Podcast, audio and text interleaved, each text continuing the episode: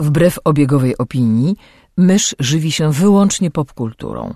Jest zwierzęciem stadnym, które lubi dzielić się tym, co znajdzie ze światem.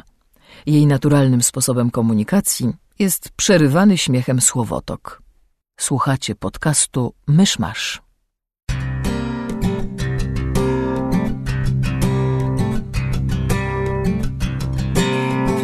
Gospodarzami podcastu Myszmasz są Krzysiek Ceran, redaktor portalu Avalon. Kamil Borek ze studia Kobart. i Mysz, autorka bloga Mysza Mówi. Drodzy słuchacze, jest 17 marca 2014 roku. 1834 rocznica śmierci Marka Aureliusza, po którym schedę przejął jego syn Commodus. O czym możemy dowiedzieć się z filmu Ridleya Scotta pod tytułem Gladiator. Historyczno-biograficzno-dokumentalny. Co prawda, tenisówki, które nosi na nogach jeden z statystów, są najmniejszym problemem historycznym w tym filmie, ale liczą się dobre chęci. Zapraszam do 48 odcinka podcastu Myszmasz. Żebym nie zapomniał, wrzuciłbym ogłoszenia parafialne na sam początek. Tak, taki mały przekręt bym zrobił tym razem. Okej. E, to znaczy komiksy Break Off i Overload Adlera i Piątkowskiego, o których mówiliśmy wiele miesięcy temu, a potem jeszcze co jakiś czas przypominaliśmy, zostały wrzucone do sieci przez autorów. I są, są za darmo w sieci, bardzo warto je poznać. To jest bardzo rozrywkowy, dobry polski komiks sprzed kilkunastu lat. Nie pamiętam konkretnie adresu, ale linkowaliśmy na naszym fanpage'u na Facebooku. Ja wrzuciłem je również bezpośrednio na myszmasz.pl i naprawdę polecam, bo warto. Zwłaszcza, że za darmo. To prawda. To pierwsze ogłoszenie. Drugim ogłoszeniem jest, że nie przyjmujemy już więcej zgłoszeń na konkurs o Łałmie, bo termin minął. Wyniki w przyszłym tygodniu. I co jeszcze z ogłoszeń? To chyba wszystko z ogłoszeń. To może ja zacznę krótko od polecanek komiksowych. Krótko, bo tak, chodzi mi o najnowszy album z wielkiej kolekcji komiksów Marvela pod tytułem Samotna Zielona Kobieta. A krótko będzie, bo go nie kupiłem, jeszcze nie miałem czasu. Natomiast miałem okazję czytać tę serię dawno temu, więc będę tak trochę z pamięci mówił. Mm. To jest e, album o She-Hulk ze scenariuszem Dana Slota, który od wielu lat znęca się nad Spider-Manem i rysunkami dwóch artystów. Cztery zeszyty są narysowane przez Juana Bobbio, jeśli dobrze czytam to nazwisko, zgaduję, że to jakiś latynos. E, I dwa zeszyty rysowane przez Paula Pelletiera. I to jest jedna z dziwniejszych, na pewno najzabawniejszych serii, jakie Marvel kiedykolwiek wydawał.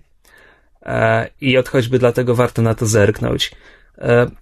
Zaczyna się to od tego, że, że She-Hulk w swojej cywilnej postaci, Jennifer Walters, dostaje nową pracę. Ona jest prawniczką e, i dostaje pracę w firmie prawniczej, która specjalizuje się w sprawach związanych z nadludźmi w najróżniejszy możliwy sposób. E, I, I przez całą tę serię przewijają się sprawy w rodzaju ten Jamison, wydawca Daily Bugle, pozywa Spidermana o znieważenie czy coś takiego, albo jakiś facet zyskuje supermocy, co mu rujnuje życie, życie, więc pozywa firmę, przez którą je zyskał, albo jakiś pomniejszy bandzior pozywa jednego z bohaterów za to, że złamał mu obojczyk, kiedy go zatrzymywał podczas napadu, i tak dalej, i tak dalej. To jest zwariowana seria. Dan Slot wtedy bardzo pilnował tak zwanego continuity, czyli ciągu wydarzeń z komiksów Marvela. On bardzo dużo znał tej historii starych komiksów Marvela i wykorzystywał ją, więc na przykład jeśli, nie wiem, w latach 60. czy 70. w komiksach Marvela pojawiło się wątek, że Fantastyczna Czwórka publikowała komiksy opowiadające o ich przygodach, firmowane przez Fantastyczną Czwórkę jako ich prawdziwe przygody, więc teraz w, ste- w tej serii te komiksy wracają jako dowody w sądzie. E, I tak dalej, i tak dalej. Tego typu zagrywek jest tam dużo i, i jest to bardzo, bardzo sympatyczne, bardzo dziwne, ale warto. To jest moim zdaniem jeden, jeden z bardziej unikalnych albumów w serii. Na pewno nie jest to wiesz, twoje, twoje typowe superhero. E, tylko jak mówię, no nie miałem okazji sobie teraz tego odświeżyć, więc jakoś bardziej konkretnie nie jestem w stanie się wypowiadać. Mm, Prawdopodobnie tradycyjnie jest ten problem, że to jest po prostu pierwsze sześć zeszytów serii, więc jakby nie opowiadają jednej zamkniętej historii. Tam w ogóle nie ma jednej historii. Chyba, e, chyba pierwsze cztery zeszyty to są po prostu cztery krótkie historyjki. E, a nie, a nie nic większego. No w każdym razie na pewno, na pewno warto zapoznać się z tym. Jeśli komuś się spodoba, a powinno, no to wtedy zawsze można spróbować ściągać resztę z zagranicy. Zresztą nie jestem pewien, czy to nie jest w ogóle pierwszy komiks z She-Hulk w roli głównej, jaki wyszedł na rynku polskim. Chyba, że w Mega Marvelach na początku lat 90. coś było, ale to jakby... Bardzo możliwe. Ja o, ja o She-Hulk absolutnie nic nie wiem. Poza No, tym, że istnieje.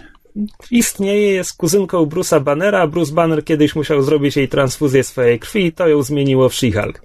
W przeciwieństwie do niego ona swoje transformacje ma pod kontrolą w większości wersji zazwyczaj. E, I też nie jest tak, że, że się zmienia jak jest wściekła, tylko przynajmniej w tym ujęciu, mm, kiedy jest She-Hulk, to nie ma zahamowań żadnych. Więc też wątki jej erotycznych przygód są ten, rozpatrywane w tych komiksach. Jako She-Hulk. Okej. Między innymi. Komiksy są dziwne. To prawda, to jest jeden z dziwniejszych, ale zdecydowanie jeden z fajniejszych. Dobra, e, to ja mogę powiedzieć, że w tym tygodniu obejrzałem film od Thomas. E, nie wiem, ty chyba jeszcze nie opowiadałaś o nim w podcaście. Czy- Wydaje mi się, że nie. To jest em, ekranizacja książki Dina Kunca pod tym samym tytułem, pierwszej z, e, książki pierwszej z serii właśnie o, o od Tomasie. To jest od jako dziwne? E, tak, od jako dziwne, ale on ma tak na imię. Nie, okej, po prostu us- usłyszałem to jako od Tomas, wiesz, od tak. Nie, od, od przez 2D. Czyli właśnie dziwny, dziwny Tomas. To ma, to jest nawet jakoś całkiem śmiesznie przetłumaczone po polsku, nie pamiętam już jak. Ja książki Kunca nie czytałam, Kunc w ogóle nie, nie leży w sferze moich zainteresowań, chociaż pożyczyłam ten, ten pierwszy tom od znajomej i, i, i leży i czeka, aż się do niego zabiorę. Przypomnij mi, on pisze horrory czy kryminały? Mm, thrillery paranormalne z elementami horroru. To jest taki trochę King, tylko taki mniej głębi to wszystko ma, mam wrażenie. Wstrzymujesz się, żeby nie powiedzieć King dla ubogich? Tak, bardzo się wstrzymuję, bo, bo nie czytałam jeszcze nic Kunca, więc nie chcę, nie chcę wyrażać opinii, ale to jest jakby ogólne zdanie o nim, które sobie wyrobiłam słysz- słysząc to i owo o jego książkach. Znaczy podobno pisze bardzo fajnie i ma dobre pomysły, ale to nie jest jeszcze poziom Kinga, chociaż zależy kogo zapytać. Um, książki nie czytałam, natomiast film jest szalenie em, przyjemny. I, I dziwne jest to, że właściwie przeszedł zupełnie bez echa. E, on miał straszne problemy finansowe. Premiera była przesuwana o, o miesiące, jeżeli nie A lata. kiedy on w końcu się ukazał? Wie- wiesz, że chyba nadal nie tak naprawdę. To znaczy, w sensie oficjalnie on chyba nie miał premiery, albo miał ją, nie wiem, miesiąc, dwa temu, a miał wyjść, nie wiem, rok temu. Znaczy, no w Filmwebie jest jako 2013. O, no właśnie. On podobno wyszedł chyba pod koniec zeszłego roku, a miał wyjść jeszcze rok wcześniej. W każdym razie w polskich kinach na pewno go nie było. w kinach. Ja w ogóle nie wiem, czy on w Polsce się pojawi na DVD. E, On w Stanach chyba się nawet y, nie... Znaczy, są straszne problemy z dystrybucją, tam jest jakaś cała historia gdzieś opisana, coś czytałam, ale teraz nie pamiętam. Ale to jest dziwne, bo to jest ten, bo to zostało wyprodukowane przez Weinstein Company, który był Weinstein jest jednym z większych producentów Hollywood. Dziwię się, że ten film miał takie problemy, żeby się w ogóle ukazać. No właśnie dziwne jest to, że miał, miał problemy, biorąc pod uwagę, że, że A Kunz... kto to wyreżyserował? O Jezu. Steven Sommers.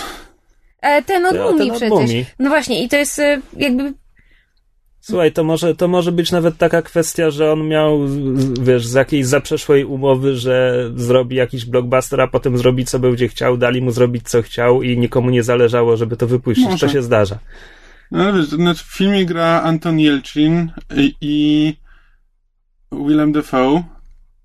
A, zrobił to Sommers, który jednak jeśli chodzi o właśnie blockbusterowe hity umie kręcić tego typu filmy. To znaczy, umówmy się, to nie jest wielkie kino, ale to jest fajna rozrywka. Wszystkie te Mumie i Van Helsingi. Dla mnie to są filmy niewybitne, ale absolutnie nie kultowe. Nie zgodzę się, że wszystkie mumie to dobra rozrywka.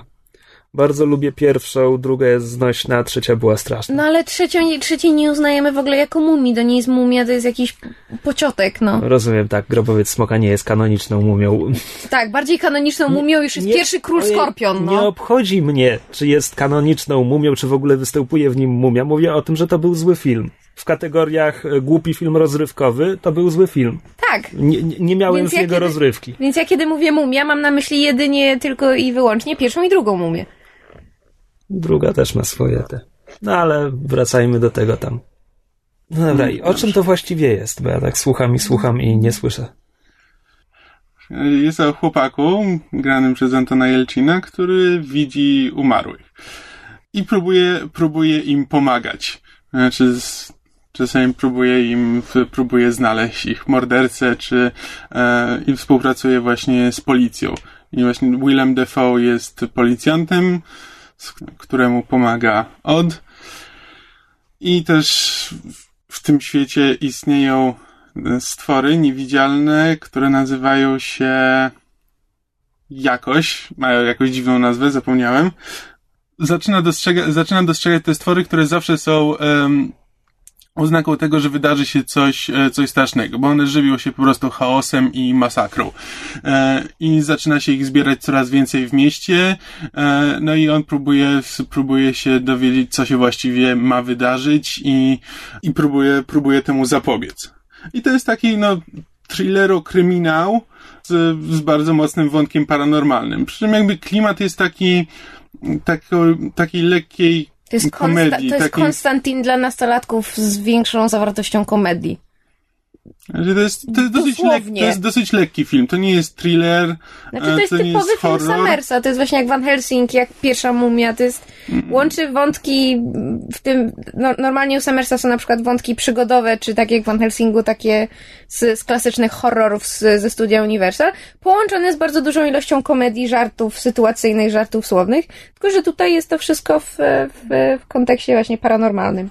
No tak, przy czym jakby zupełnie, zupełnie jest to film inny niż e, te wcześniejsze filmy, niż Mumie czy Van Helsing. Jakby ja w ogóle nie widzę żadnego, żadnego powiązania między jednym a drugim. I tak, jakby film jest, e, e, film jest fajnie skonstruowanym kryminałem. Jakby jako kryminał się broni. Ale tam jest parę wątków, na które jakby bohater się jakby natyka, nie rozwiązuje, ale mimo wszystko jakby większość, e, większość zagadki jest jakby rozwiązana przez niego, a nie tylko dlatego, że się napatoczył akurat na rozwiązanie, więc to akurat, e, to akurat dobrze działa. I znaczy, ja to traktowałem ten film jako właśnie taki kryminał paranormalny, e, tylko nie traktujący się zbyt poważnie. E, I pod tym względem, jeśli, w, jeśli o to chodzi, naprawdę robi bardzo dobre wrażenie i jestem w stanie e, polecić każdemu, kto lubi taki gatunek. E, Rozprawiłem się z drugim sezonem House of Cards i teraz nie bardzo wiem, co mogę o nim powiedzieć. Na tej zasadzie, że minął miesiąc, odkąd Netflix go udostępnił, więc e, fani, czy po prostu ludzie, którym podobał się pierwszy sezon, raczej już go obejrzeli. No dobra, mysz kręci głową. A, a nieprzekonanych po pierwszym sezonie raczej w żaden sposób nie przekonam, jeśli powiem, że ten sezon co najmniej utrzymuje poziom, a pod pewnymi względami jest jeszcze lepszy. E, Stawki są większe, więc to od razu buduje większe napięcie. Intryga jest moim zdaniem lepiej rozegrana, ciekawiej. E, Nie ma tego, tego chodzenia na skróty, którego się bałem na, na początku, po, po pierwszym sezonie. Więc to wszystko jest super. A przy okazji, no jakby możemy lepiej poznać te postaci, bo jakby poprzednia seria koncentrowała się na, na tym głównym bohaterze Frank Underwoodzie, jego żonie i nie wiem, no może jeszcze młodym, młodym kongresmenie, który jakoś tam był częścią tych jego intryg. A tutaj, aha, jeszcze tej dziennikarce. E, A tutaj jakby jest, jest miejsce, żeby się przyjrzeć jakby znowu im, ale również takim postaciom drugoplanowym. Jakby jest, jest odcinek, gdzie główna historia dotyczy e, tego właściciela baru e, z żeberkami, do którego chaza Frank Underwood.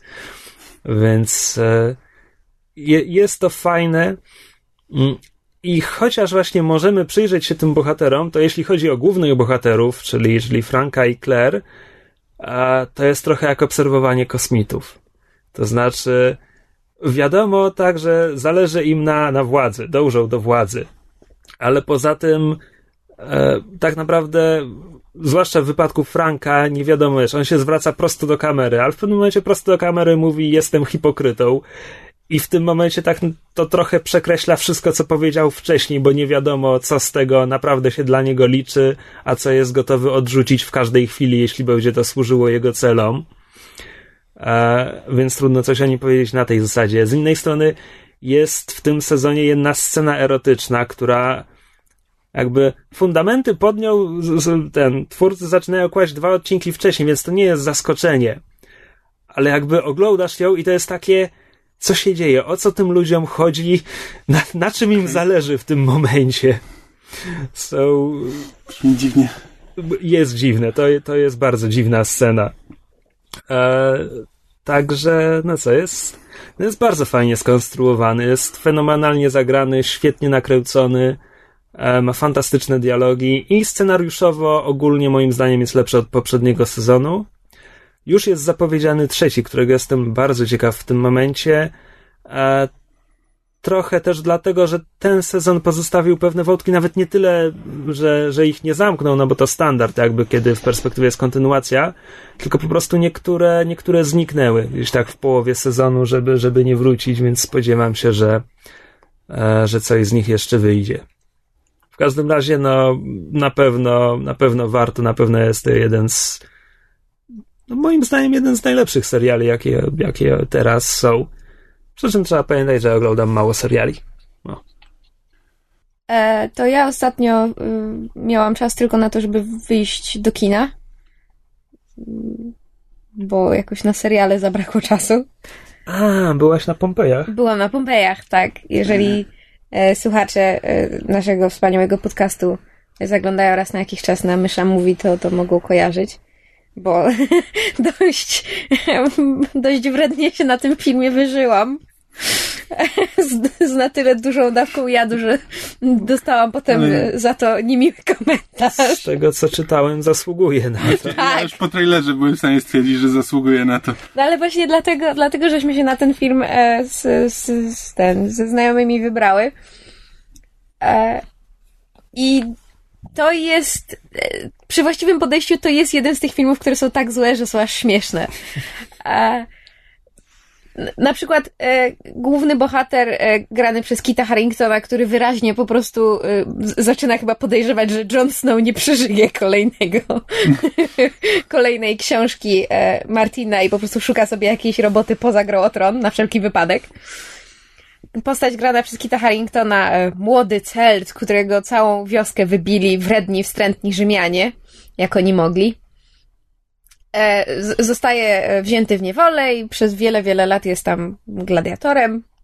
Znaczy, jest trenowany na gladiatora, zakładam, bo po prostu przeskok czasu jest, nie wiem, 15 lat później, 20 lat później. I to, co jest cudowne, to że od momentu rozpoczęcia filmu do mniej więcej 20-25 minuty ten bohater się słowem nie odzywa. On po prostu jest na ekranie, marsowa mina i ewentualnie z kimś się naparza. Półnagi. W lejącym, y, zacinającym y, londyńskim deszczu. Bo logika tego filmu, logikę tego filmu można zobrazować w jednej bardzo istotnej y, rzeczy. Mianowicie Kit Harrington niesamowicie e, że tak powiem, schudł do tego filmu, przeszedł na jakąś rygorystyczną dietę, prawie się nabawił zaburzeń żywienia, tylko po to, żeby móc, prawda, się popisać e, sześciopakiem na, na brzuchu. Zresztą fotosy właśnie z tym sześciopakiem bardzo namiętnie krążyły po pewnych rejonach internetu. E, I owszem, ten sześciopak się pojawia w filmie. W scenie walki na arenie w deszczu, w zimnym, wiosennym Londynie. Ale potem, jak nasz gladiator, i tutaj autentycznie z buta przez całą Europę jest gnany do Pompeji, cenny gladiator. To jest po prostu podstawowy błąd historyczny. Takiej rzeczy się po prostu nie robiło. Gladiator to był cenny nabytek, to było jak święta krowa i nie pędziłoby się go piechotą przez całą Europę. No ale nieważne.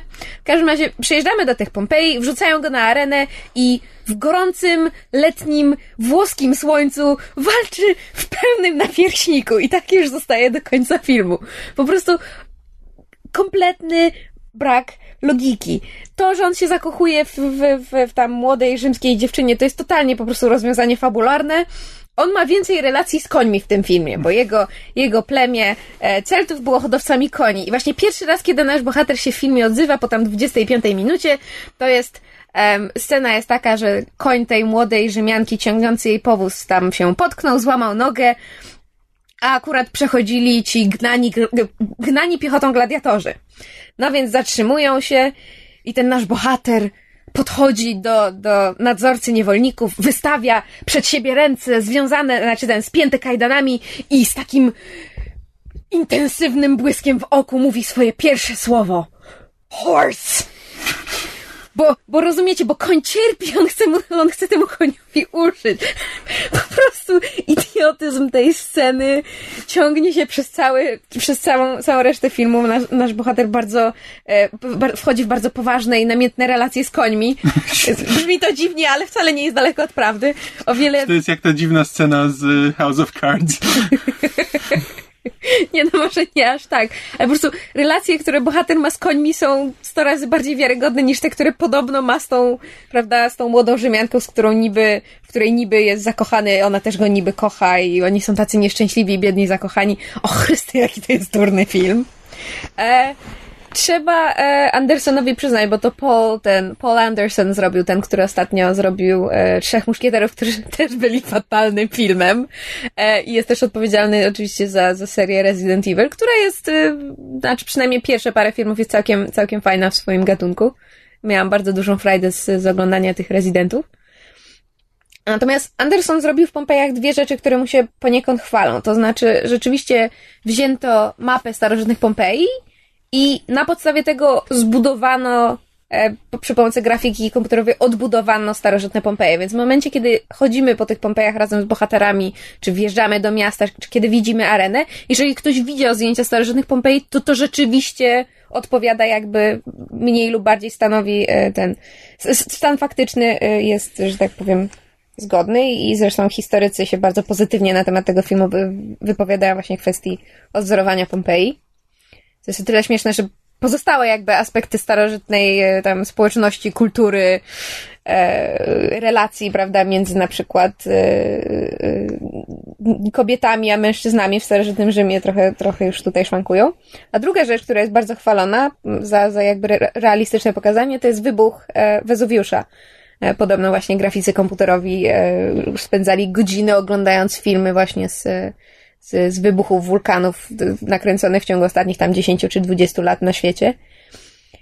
Tylko, że i w tym względzie musieli przedobrzyć, dlatego że owszem, wybuch wulkanu jest jak, jakby jak najbardziej realistyczny, tylko że jest. Jon Snow wyprzedza go rydwanem?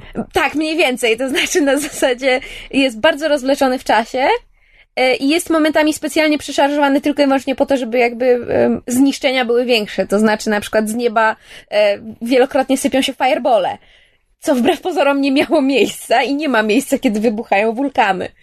E, tak samo chmura pyłu, która tam e, w pewnym momencie zaczyna opadać na miasto, jakby zaczyna dusić bohaterów godziny po tym, jak faktycznie by zaczęła. Czy fala uderzeniowa, która się rozchodzi po, po, po którymś tam wybuchu, to na, nawet nie przewraca ludzi, nawet im włosów nie rozwiewa, a co dopiero y, że tak powiem, wytrącić ich z równowagi, jak byłoby w, e, faktycznie, gdyby, gdyby coś takiego miało no, miejsce. Wiesz, starożytni Rzymianie byli stoikami. Tak, zwłaszcza ich konie, które e, zresztą jest e, cała sekwencja pościgu konno, znaczy rydwan i ścigający rydwan koń przez właśnie, wiesz, miasto płonące, trzęsące się, tu latają firebole, tutaj właśnie chmura pyłu i te konie twardo biegną, one się nie boją płomieni. To jest po prostu debilizm za debilizmem, ale ogląda się to naprawdę wielką frajdą, jeżeli ma się, że tak powiem, e, odpowiednie e, luźne do tego podejście. Nie polecam iść na to do kina, naprawdę nie ma sensu wydawać pieniędzy, chyba że w jakieś tam, nie wiem, dni z tanimi biletami, ale jak film wyjdzie na DVD, to żeby spotkać się ze znajomymi, napić się i pooglądać i, i się pośmiać z, głupoty, to jak najbardziej.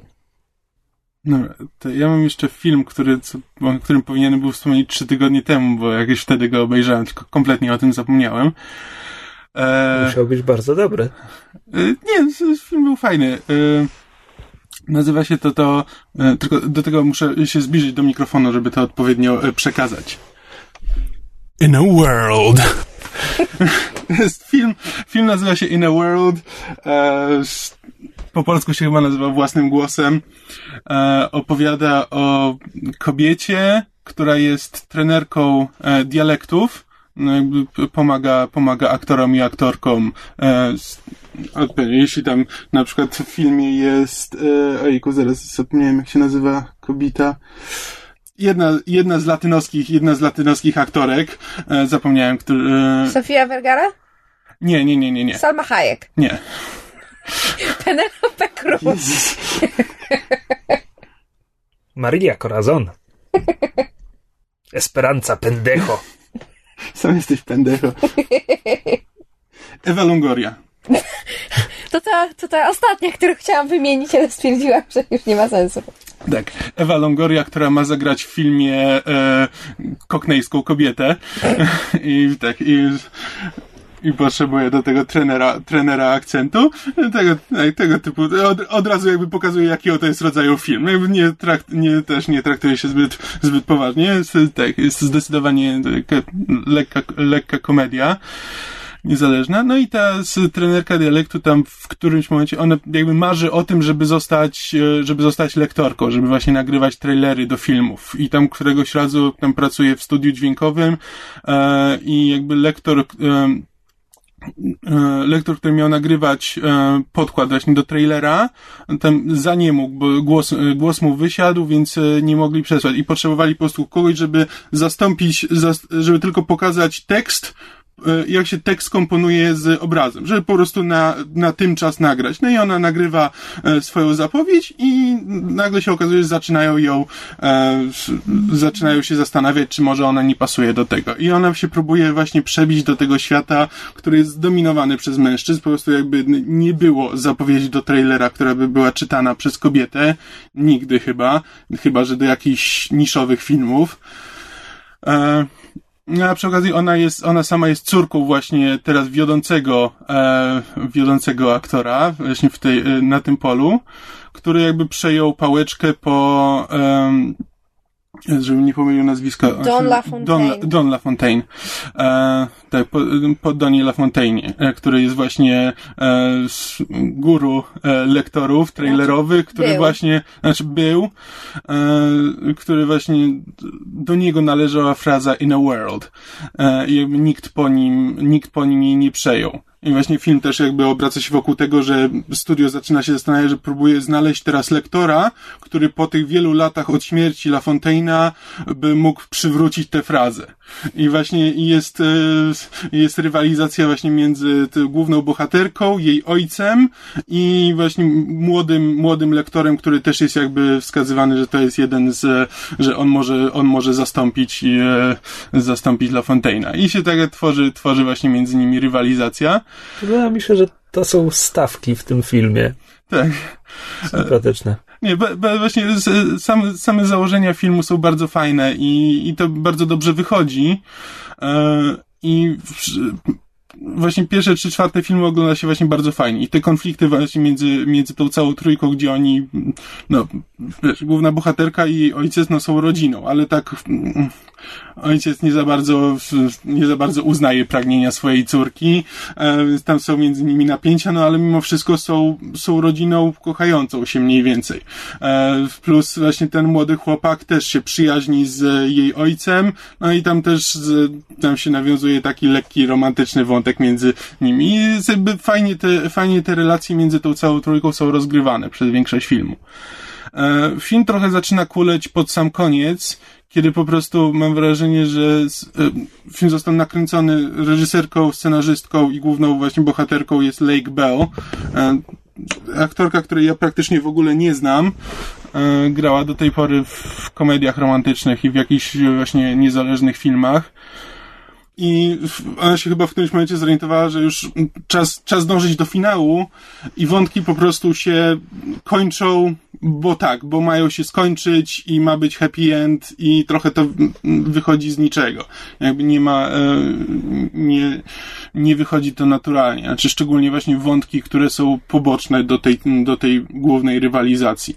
To jakby one się po prostu kończą, bo już czas skończyć film, więc, e, więc tam część, część innych bohaterów musi się pogodzić, część tam musi e, dojść do swoich celów i tak dalej, i tak dalej. I to wychodzi ewidentnie po prostu, e, bo scenarzysta tak napisał, że tak ma być, więc tak jest.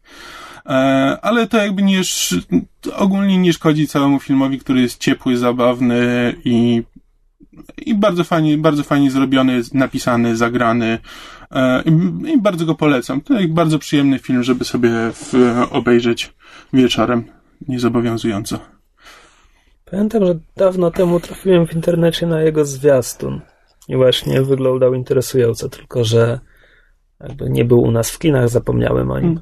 Ale Ja, ja od miesięcy go mam na, na, na komputerze, ale jakoś nie jestem w stanie się za niego zabrać. Zresztą ilość filmów, które mam w domu i które czekają na to, że mnie obejrzała jest po prostu zatrważająca. Już ostatnio zaczęłam wszystko hurtem zrzucać po prostu na, na dysk, bo mi się nie mieści i nie mam kiedy tego wszystkiego oglądać. Ciężkie jest życie fana filmów. Problemy pierwszego świata. No, totalnie. Problemy pierwszego świata. Dobra, mm, ja nie mam więcej nowości, bo byłem trochę zapracowany ostatnie dwa tygodnie, ale w poprzednim odcinku, przy okazji odpowiadania na listy Łukasza, wspomniałem o Jamesie Clavelu i chciałbym trochę więcej o nim teraz powiedzieć. Jeśli wam to nie przeszkadza. Okej. E, James Clavell, w- tak, w tym roku wypada 20. rocznica jego śmierci.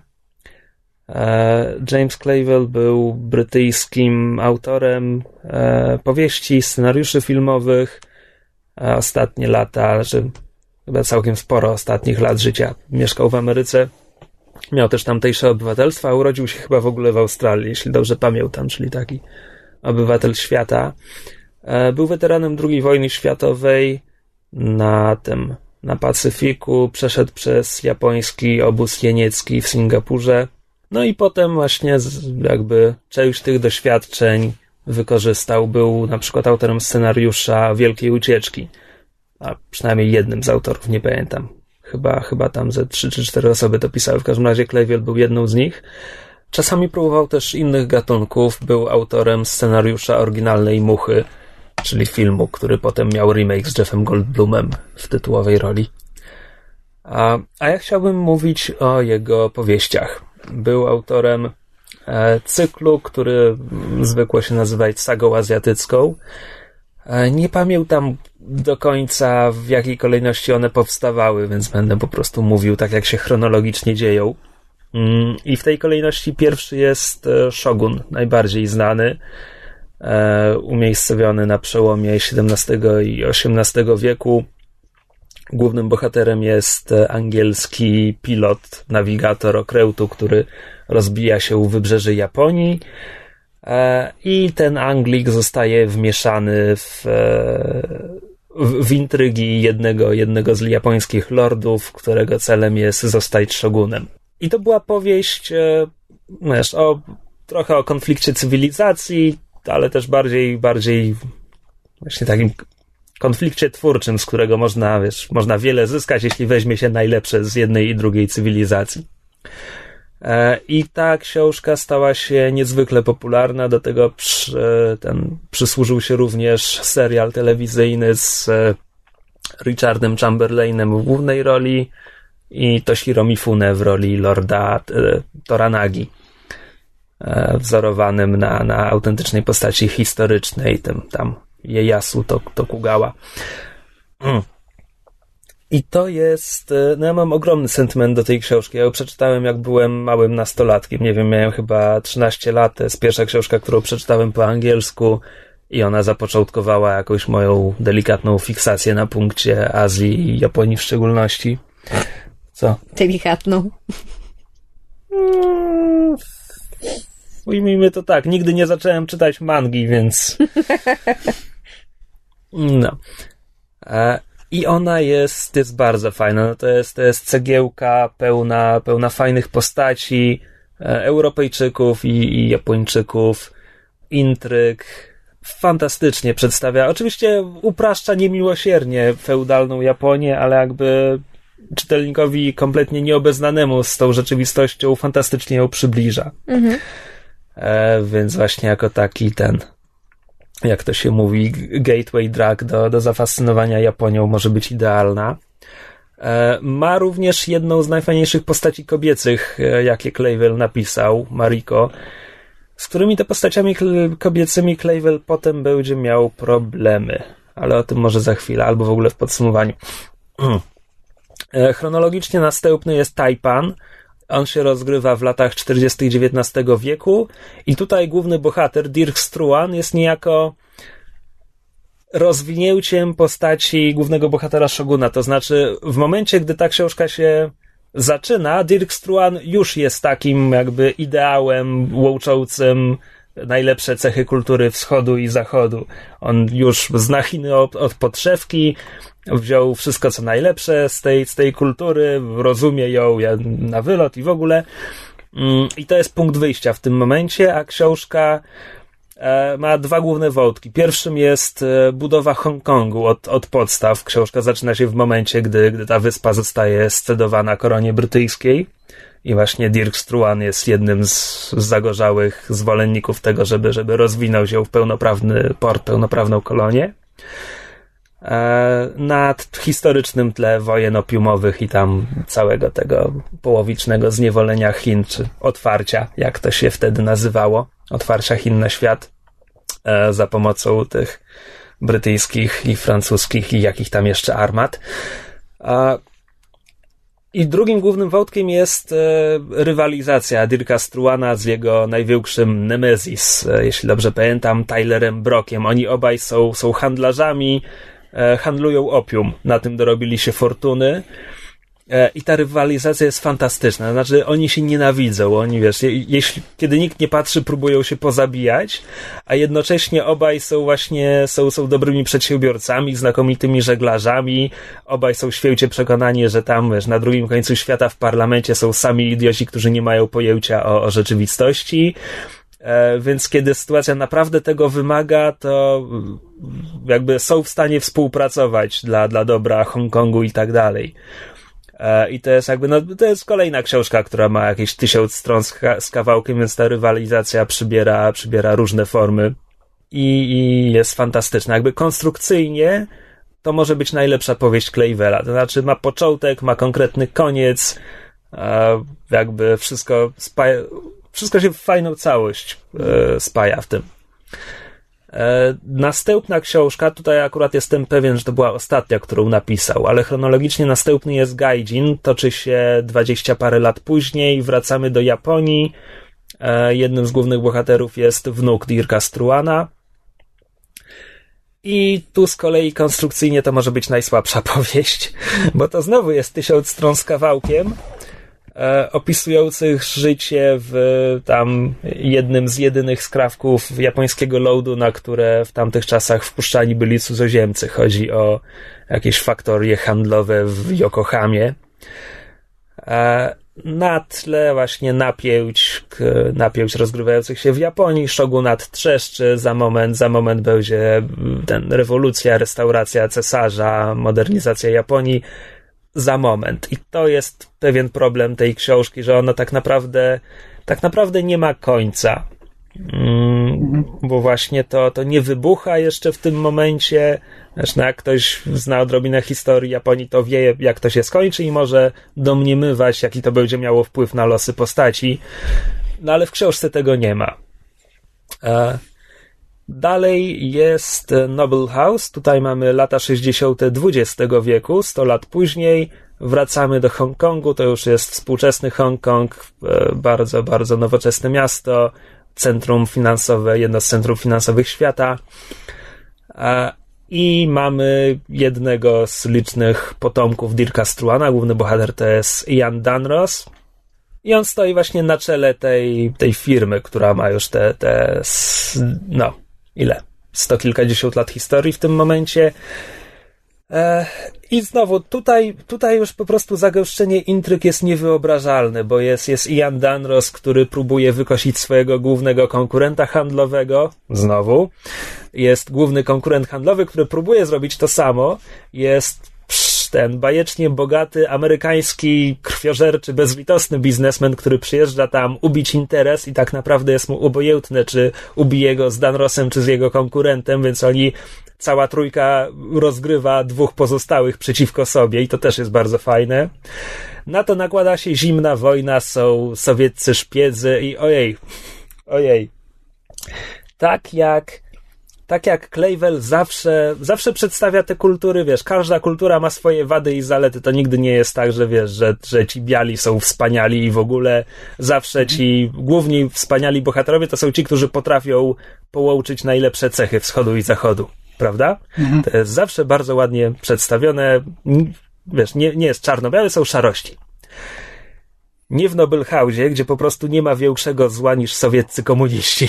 Mm, te. E, ale tak, zagęszczenie intryg po prostu na, na metr kwadratowy książki jest niewiarygodne. E, tam, tam jest kilkadziesiąt postaci, po prostu to jest, to jest niesamowite. I on to wszystko mieści, wiesz, w jednej książce. Jasne. Tysiąc stron, ale jedna książka. A... O, jestem idiotą, bo wymieniam książki chronologicznie, a pominąłem Króla Szczurów, który toczy się w latach 40. XX wieku, e, tylko że on jest, on odstaje od całej reszty. Mm, Bo to jest cienka książka, na poły biograficzna, opowiada o losach żołnierzy w japońskim obozie jenieckim w Singapurze. Więc jest na poły biograficzna. E, główny bohater, e, główny bohater, no, uważa się, że jest, że jest awatarem samego Clavela, ale ile w tym prawdy, no to tylko Clavel wiedział. E, A książka opowiada o jego kontaktach z tytułowym królem szczurów. To jest, to jest żołnierz, który w obozie jenieckim ułożył sobie życie.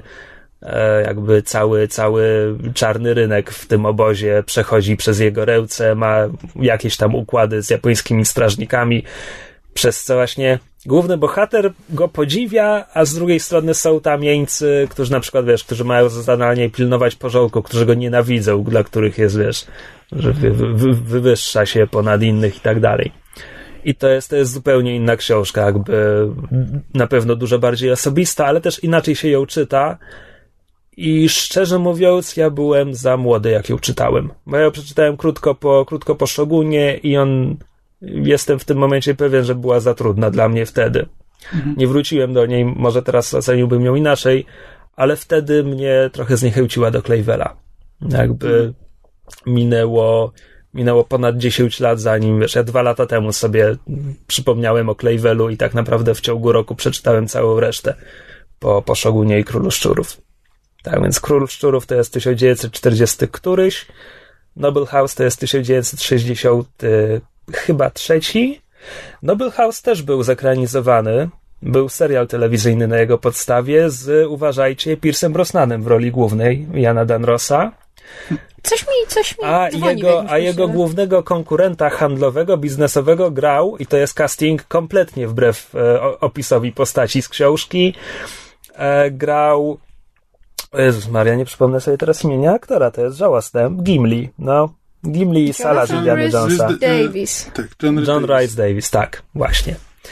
E, widziałem urywki na YouTubie. To jest serial z lat 80.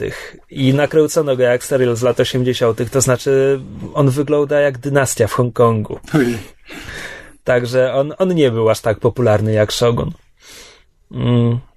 Ja się przymierzam zrobić sobie powtórkę z Shoguna. Jeśli kiedyś to zrobię, to pewnie potem zacisnę zęby i spróbuję obejrzeć Noble House, ale to może nie być dobre. E, I wreszcie chronologicznie ostatni jest Whirlwind, który chyba nie ma polskiego tytułu, może kiedyś ukazywał się jako burza, ale teraz ostatnio w Empiku widziałem po prostu jako Whirlwind. E, Tutaj jest zmiana lokalizacji dość mocna, bo ta powieść rozgrywa się w Iranie w czasie rewolucji, czyli to jest, e, żebym nie zrobił z siebie idioty, 79.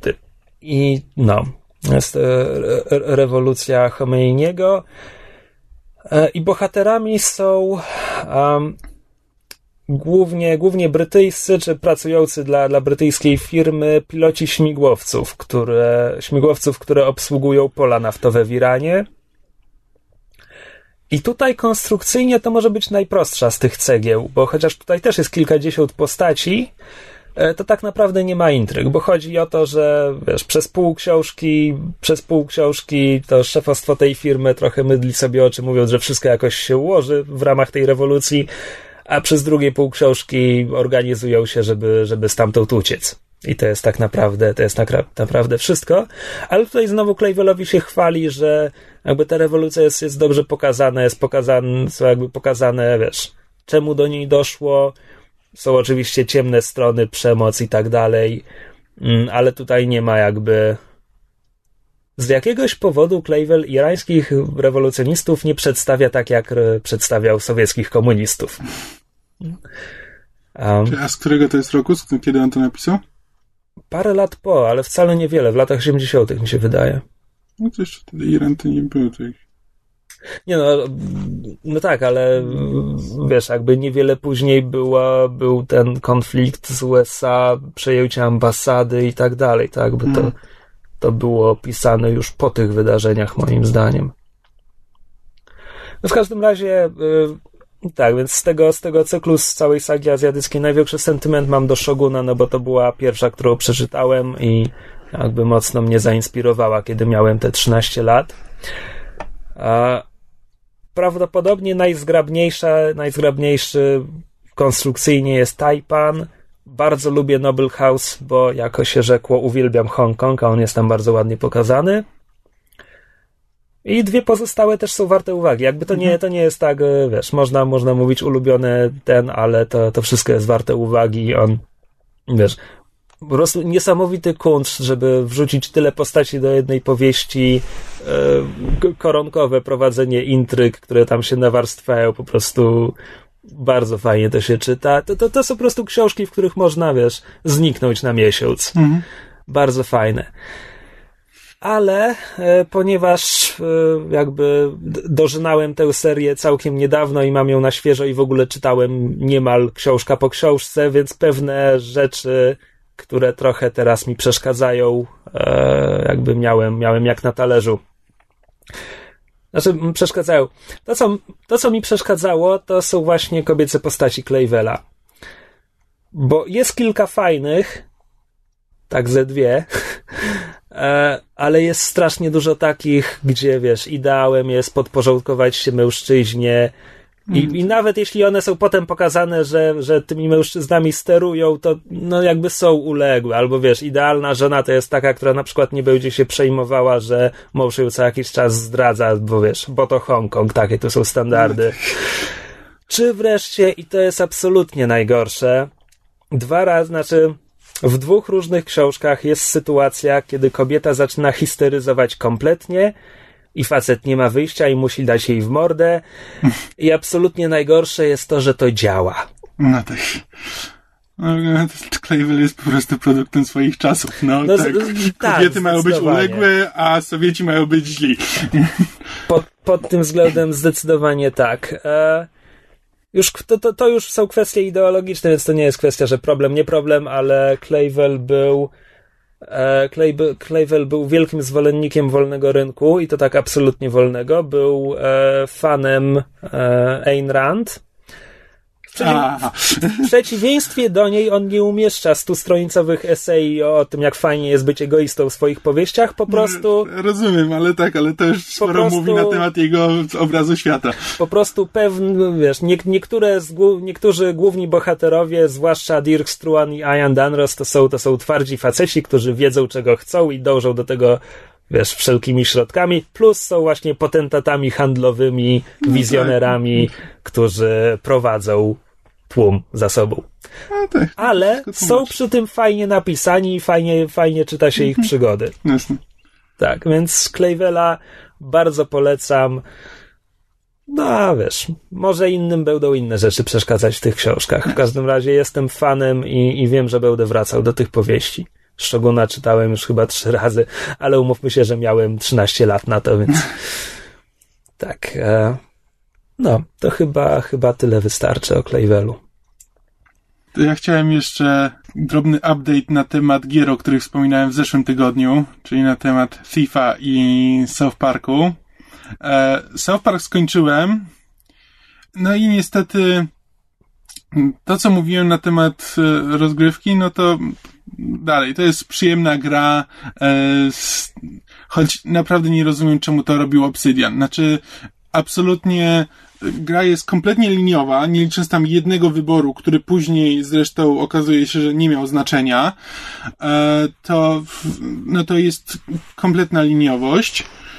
No a przy tym e, jakby nie wykorzystują tego, z czego Obsidian jest e, e, znany i tego, czego im najlepiej wychodzi, czyli właśnie wolności wyborów w ich grach.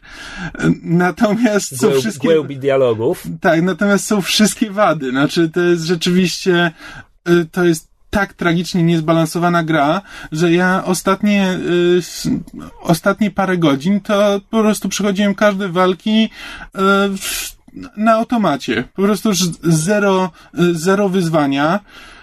I jest tragicznie niezbalansowana. Znaczy zupełnie nikt się nie przyłożył do tego, żeby, żeby to było wyzwanie, tylko po prostu są kolejne umiejętności, się zdobywa. Właściwie to tak, nie ma żadnego, nie, nie ma żadnych ograniczeń co do broni, więc spokojnie, jak ja grałem klasą postaci, e, klasa postaci nazywa się Żyd, e, bo to South Park, e, no to jakby nie ma, mogłem spokojnie korzystać z każdego łuku, z każdej broni e, ręcznej i w którymś momencie się okazało, że wszystkie moje zdolności specjalne są właściwie słabsze od podstawowych broni, a potem z kolei jak już broni zrobiły się słabsze od umiejętności, to umiejętności zrobiły się tak potężne, że mogłem je spamować, e, e, spamować po prostu naj, najmocniejszą umiejętność cały czas, bo odzyskiwałem manę w takim tempie, że nie było żadnego problemu z tym. Jak bardzo pożałuję pytania, jakie są umiejętności specjalne Żyda? Litwa? Tak. E, jest e, circumcive, e, czyli e, postać, e, postać dobiega do postaci i obrzeza ją, e, z, zmniejszając jej e, ten, jej armor i powodując efekt gross out u pozostałych członków jego drużyny. E, jest, e, są e, plagi egipskie, w których się zrzuca na przeciwników albo żaby, albo szarańcze i tak dalej. E, co tam jeszcze była? Aha, tak, e, proca Dawida. Logiczne. E, I czekaj, co jeszcze ostatnie? A, jiu-jitsu. No dobra, tak naprawdę najbardziej interesuje mnie, czy, czy, czy ostatecznie w tym była jakaś satyra na coś konkretnego. Absolutnie nie. Znaczy, niestety, e, tak, jeśli ktoś po prostu lubi humor South Parku, to ta gra mu się spodoba. To jakby to wszystko to ma, wszystko to co najlepsze. może konkretnie humor South Parku dla samego humoru. Tak, dla samego wypadku. humoru, dokładnie. Natomiast ostatecznie, wiesz, cały czas liczyłem, że coś się stanie, no bo mamy przez całą, e, przez całą grę mamy postać, główna postać nie odzywa się. Tak jak to e, czasami bywa w grach, e, nie cierpię, ale to już, to już jest inna sprawa. I jakby inni zwracają na to uwagę, że i są z tego żarty. Przy czym no to jest parodia na poziomie e, była scena w filmie Superhero Movie, które ma, które jest ze szkoły robienia filmów a la Scary Movie, w którym e, w jednym z żartów jest to, że Wolverine pokazuje faka komuś przy pomocy swoich, e, swojego ostrza, jednego z, co jest po prostu zżynką z oryginalnego filmu.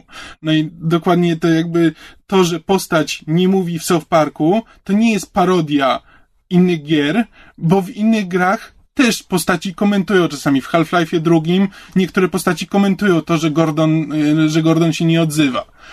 E, I jakby to, to nie jest parodia, jakby użycie tego samego wątku to nie jest parodia, tylko po prostu użycie tego samego wątku. Co zresztą ja w ogóle nie cierpię w grach właśnie to, że jeszcze potrafię zrozumieć, że postać się nie odzywa, szczególnie w FPS-ie. E, potrafię zrozumieć, że mamy się wczuć w, w, tego bohatera, mamy się poczuć właśnie, że ponieważ to jest, e, to jest gra z perspektywy pierwszej osoby, no to mamy się wczuć tak, jakbyśmy to my to wszystko wykonywali.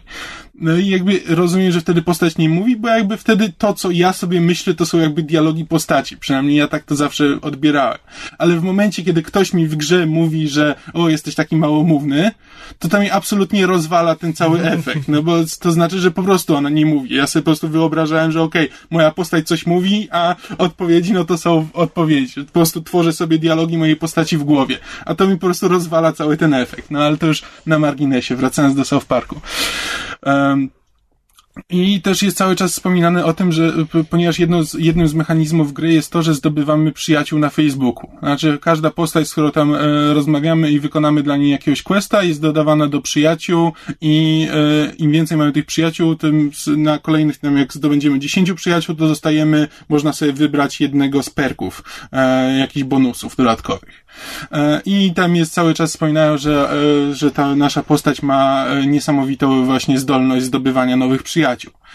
I jakby sądziłem, że no wiesz, że może w tą stronę, że może będzie jakiś komentarz na temat właśnie y, mediów społecznościowych, czy że to, że ta postać nie, i właśnie, że może to się połączy, że to, że ta postać nie mówi, a mimo wszystko zdobywa całą masę przyjaciół, że może to się jakoś połączy i zrobi się z tego jakiś, jakiś komentarz na temat właśnie, na temat właśnie pustoty relacji e, w social media. Ale, ale popatrz, w grze tego nie ma, a jaka głębia interpretacji tak. No tak, ale wiesz, no liczyłem, że właśnie coś coś z tym zrobię, ale nie, no nie, po prostu absolutnie, e, absolutnie kończy się, e, kończy się tak sztampowym po prostu e, dowcipem, że, e, że aż po prostu się załamałem. Znaczy wiesz, jakby tam gra finał jest absolutnie epicki i tam dzieją się najdziwniejsze rzeczy, jak to w South Parku bywa i momentami, momentami są obrzydliwe, momentami są zabawne, ale to już jakby typowo, typowo South Parkowe, jakby finał jest, finał jest w porządku w ramach tego South Parku, jakby jeśli chodzi o fabuły właśnie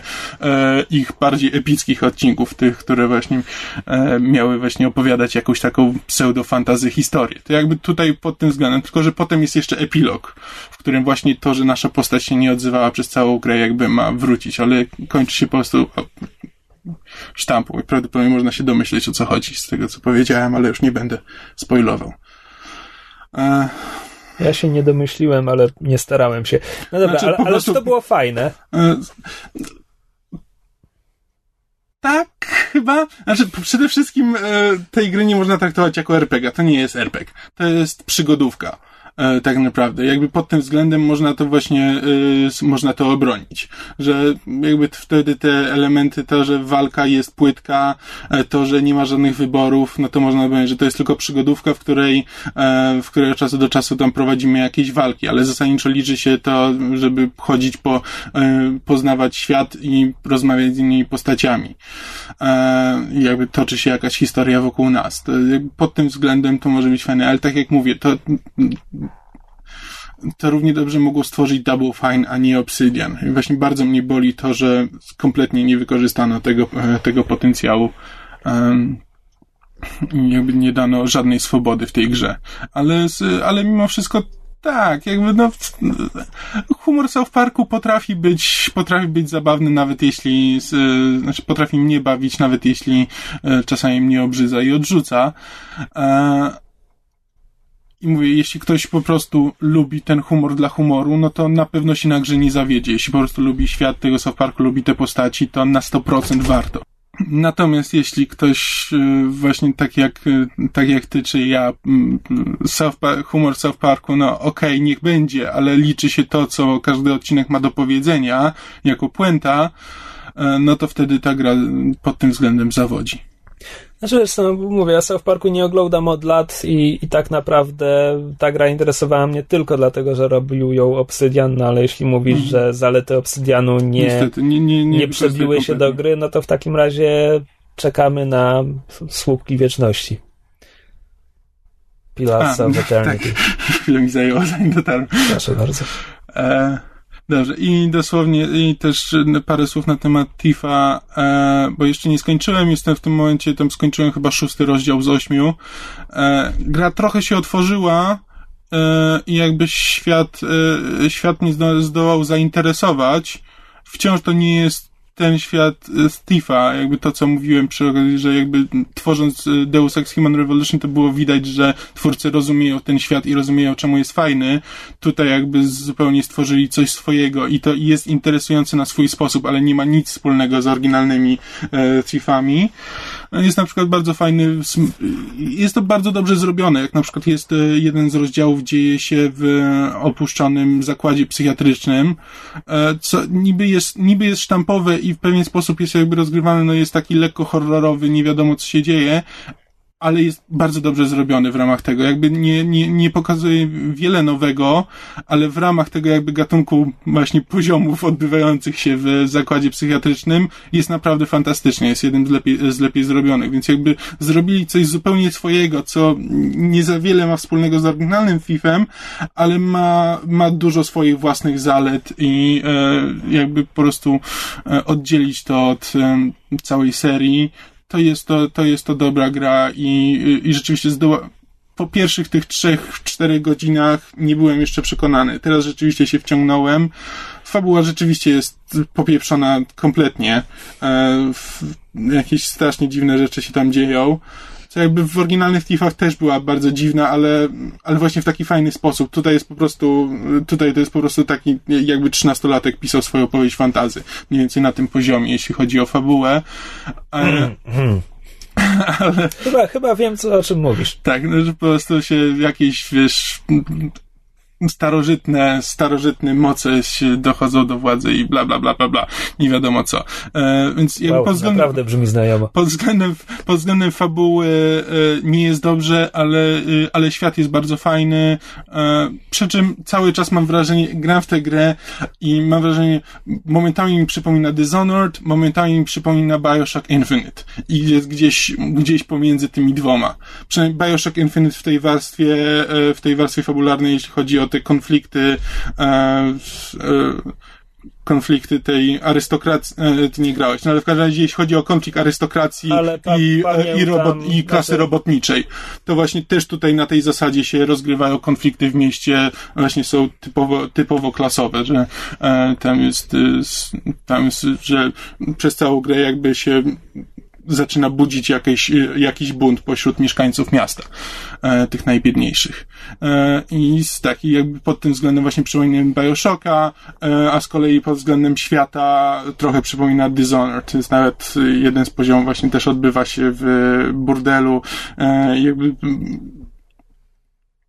ci strażnicy, strażnicy miejscy też przypominają strażników z Dishonored. Jest bardzo dużo, bardzo dużo podobieństw. Jakby jest gdzieś pomiędzy tymi dwoma grami. No właśnie, pamiętam w recenzji na Rock Paper Shotgun było, że o ile o ile twórcy Dishonored nie, nie próbowali boksować się z FIFem, to, to ten nowy FIF sprawia wrażenie, jakby twórcy próbowali boksować się z Dishonored. Tak, dokładnie, co jest przedziwne, no bo właśnie, no bo Dishonored jest ewidentnie jakby wzorowany na FIFie, tylko że ponieważ nie wykorzystuje tej nazwy, to łatwiej się przekonać do tego świata, a ponieważ FIF y, próbuje, próbuje jechać na, na tej nazwie, to, y, to stąd cały, cały czas mam jakąś taką dziwną e, dziwną niepewność, czy to, co oni robią, to jest właściwie potrzebne.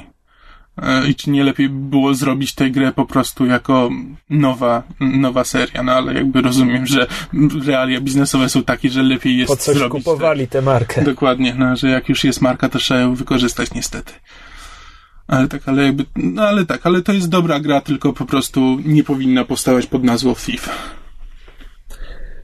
No dobra, ja bym chciał zrobić króciutki przegląd seriali, ale taki dosłownie, wiesz, po zdaniu na wszystko. Almost Human się skończyło. Wciąż nie mam pojęcia, czy będzie druga seria. Skończyło się, nie wiem, skończyło się tak, jakby się nie skończyło, zupełnie jakoś nie rozumiem. No właśnie tak, ten, ten wątek ciągnął się od początku, kompletnie nie znalazł żadnego rozwiązania. Tak. To jest sympatyczny procedural. No, ja nie oglądam tak, nie, wielu procedurali. Jakbym oglądał więcej, to może nie miałbym miejsca dla jeszcze jednego, który znaczy, nie wyróżnia się niczym poza dekoracjami.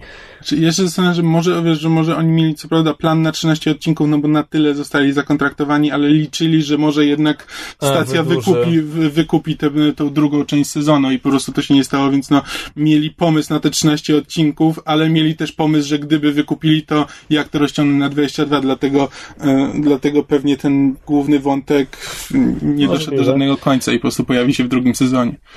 No, będę trzymał kciuki, żeby ten drugi sezon powstał, bo mówię, no to był przyjemny, przyjemny hmm. serial. Co prawda, czasami to było aż komiczne, kiedy, kiedy, kiedy są, są takie sceny, wiesz, kiedy jest noc, ciemno i robi się tak nastrojowo i ludzie z przezroczystymi parasolkami i nasz bohater je kluski w, w przydrożnym barze i są te syntezatory i to jest takie, wiesz, tak jak jakby twórcy, wiesz, patrzyli, patrzyli w górę i mówili popatrz, popatrz, Blade Runner, popatrz, popatrz, popatrz, co robimy. Tak jakby serial jedzie na sentymencie do, tak, do klasycznych, klasycznych sci-fiów bliskiego zasięgu. No, więc to jest Almost Human. Agents of S.H.I.E.L.D. nie sądziłem, nie że kiedykolwiek... ostatnich odcinków, Właśnie nie sądziłem, wypowiem. że, że, że będzie mi dane to powiedzieć, ale robi się w miarę interesujące. Właśnie tak słyszałem, że... Ostatnie dwa, no bardzo, bardzo, wiesz, z dużą, z dużą dozą dobrej woli, może nawet ostatnie trzy odcinki byli, były całkiem niezłe. Znaczy, Ja tylko widziałem opinię na IO9, to jestem, w, że ten serial po prostu potrzebował mocniejszego złoczyńcy i że te, e, i że to jest ten motyw, który mu pomógł. Ale No. mówię, nie, nie oglądałem ostatnich dwu, przez ostatnie dwa tygodnie, więc nie wiem. On wciąż nie ma porządnego złoczyńcy, znaczy, znaczy poza takimi, wiesz, na, na jeden odcinek, Mhm. To w, w dalszym ciągu głównym złym jest ten, nie wiem, do, doktor Klo z, ten, z inspektora Gadżeta. To jest ten klerwojant, No o tak. którym nic nie wiemy, nigdy go nie widzieliśmy, ale jest bardzo zły. No to jest, to jest fatalne. Mhm. Ale ostatnie dwa odcinki były całkiem, całkiem spoko. Znaczy, no dobra, w ostatnim odcinku pojawia się Lorelai, to jest taka zła pani z Asgardu, która potrafi, ten, dominuje mężczyzn Mhm. swoim głosem. No, A już, a już Syrena. dotykiem to w ogóle kompletnie. O czym nasi bohaterowie wiedzą i dwa razy w ciągu odcinka dają się tak kompletnie podłożyć, No tak. po prostu. Ale poza tym, poza tym to oglądałem to z, z przyjemnością, której nie spodziewałem się po tym serialu od miesięcy. To wciąż nie jest dobry serial. No tak, to chyba, to chyba wszystko z tego, co oglądam na bieżąco i chce mi się ko- de- ten komentować. W następnym odcinku Arrow będzie Suicide Squad. A internet podejrzewa, przynajmniej część internetu, że może się też pojawić Harley Quinn na 3 sekundy. No proszę. A ja z kolei ostatnio nadgoniłam dwa ostatnie odcinki How I Met Your Mother. I tak jak ten, ten ostatni e, odcinek był średni, to poprzedni było tyle ciekawe, bo tam było, em, tam Ted z, z, z matką siedzieli i w pewnym momencie stwierdzili, że, że nie mają już sobie żadnych historii do opowiedzenia, że są starym małżeństwem, które zna wszystkie swoje historie. I to mnie zaciekawiło, bo e, w pewnym momencie, tu jest może, nie wiem, spoiler, nie wiem, czy ktokolwiek ten serial jeszcze ogląda, e, doubtful, very doubtful, um, jest moment, w którym e, matka rzuca komentarz a propos matki Robin, która zjawia się na, na tym ślubie, na który wszyscy czekamy i rzuca komentarz pod tytułem, że co za matka nie pojawiłaby się na ślubie własnej córki. I ten w tym momencie zaczyna płakać. I ja tak siedzę i myślę sobie, oho, to jednak wszystkie, wszystkie teorie e, fanowskie, jakie krążą po internecie mają rację. Ted opowiada nam przez te dziewięć pieprzonych sezonów te, te, ten cały serial tylko i wyłącznie dlatego, że matka nie żyje i po prostu nie może tego opowiedzieć sama. I to jest chyba, ale to może być... Znaczy ja to bardziej Co? zrozumiałem, że matka nie pojawi, że jego matka nie pojawiła się na jego ślubie albo coś takiego. Właśnie, bo cze- czemu on miałby płakać w scenie, w której rozmawia z tą swoją ukochaną, kiedy ona jeszcze żyje?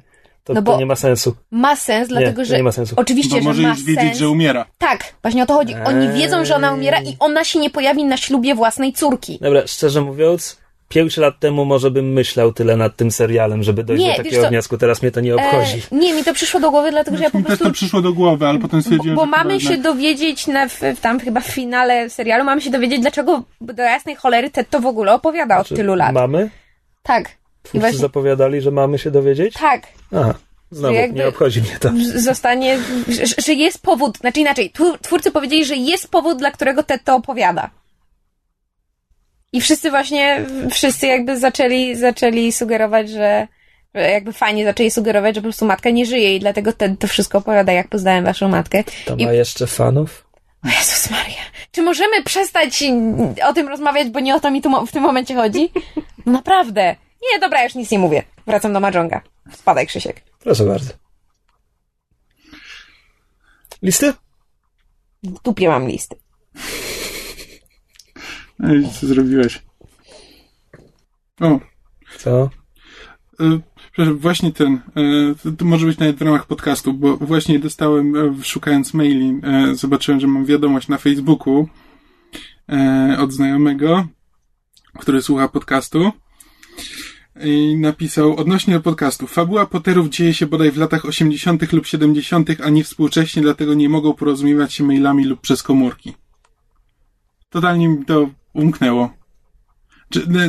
Gdzieś coś Tak, tak, takiego słyszałem, ale, ale No tak, no bo on, oni się... Ja się zawsze z tego śmieję, że Hermiona i Dean Winchester są w tym samym wieku. Oni się urodzili w tym samym roku. Więc oni... tak, rzeczywiście, to się musiało dziać 20-30 lat temu, no. Totalnie o tym zapomniałam. okej, no to ja odszczekuję w takim razie to, co powiedziałem na temat tego, że Przeczytałem cztery książki i nie znalazłem tam niczego, co by o tym ja już, świadczyło. ja już przeczytałem sześć. Kamil i, jest na siódmej, ostatnio widzieliśmy szósty film. Tak, i też jakby to zupełnie... Szczególnie, że ja jakoś takie miałem... W, nie wiem, jak się pojawiają sceny z Londynu, to zupełnie nie miałem wrażenia, że to są lata 70 80 no ale skoro tak, to tak. Nie Mm. przypominam sobie, żeby Dumbledore narzekał na Thatcher w którymś momencie. Teraz przechodzimy do kącika mailowego, który tak naprawdę nie jest kącikiem mailowym, bo odnosimy się do komentarza na blogu, a nie do maila. Em, ale tak, Łukasz Żurek z bloga żurekłukasz.com e, napisał nam e, następującą wiadomość. Skoro różne Łukasze do Was piszą, maile pochwalne i różne zapytania, sugestie, to i ja skrobnę coś w komentarzu, bo szybciej. Czy moglibyście w którymś z kolejnych odcinków zrobić swoje top 10 albo i więcej książek science fiction? Nie fantazy, zaznaczam. Często taka zabawa w listę X jest banalna, choć nie mówię, że zła, ale jednocześnie może słuchaczom podsunąć i lub przypomnieć jaki, jakiś tytuł. Dobrze, możemy się powalić taką listę, choć e, To nie będzie top 10. tak, bo nawet mamy problemy z zapełnieniem top 10, bo bo Bo nie czytamy czytamy. science fiction. tak, ja o ile lubię, ja lubię, znaczy uświadomiłem to sobie, próbując sobie przypomnieć właśnie jakieś książki science fiction, to sobie uświadomiłem, że ja lubię stylistykę takiego gwiezdnego science fiction typowego, ale w książkach, w książkach mnie to aż tak nie bawi. Akurat tak, e, w książkach no to wolę mimo wszystko jakieś urban fantasy albo science fiction dziwniejsze typu Duna, czy coś takiego, które jakby nie jest takim...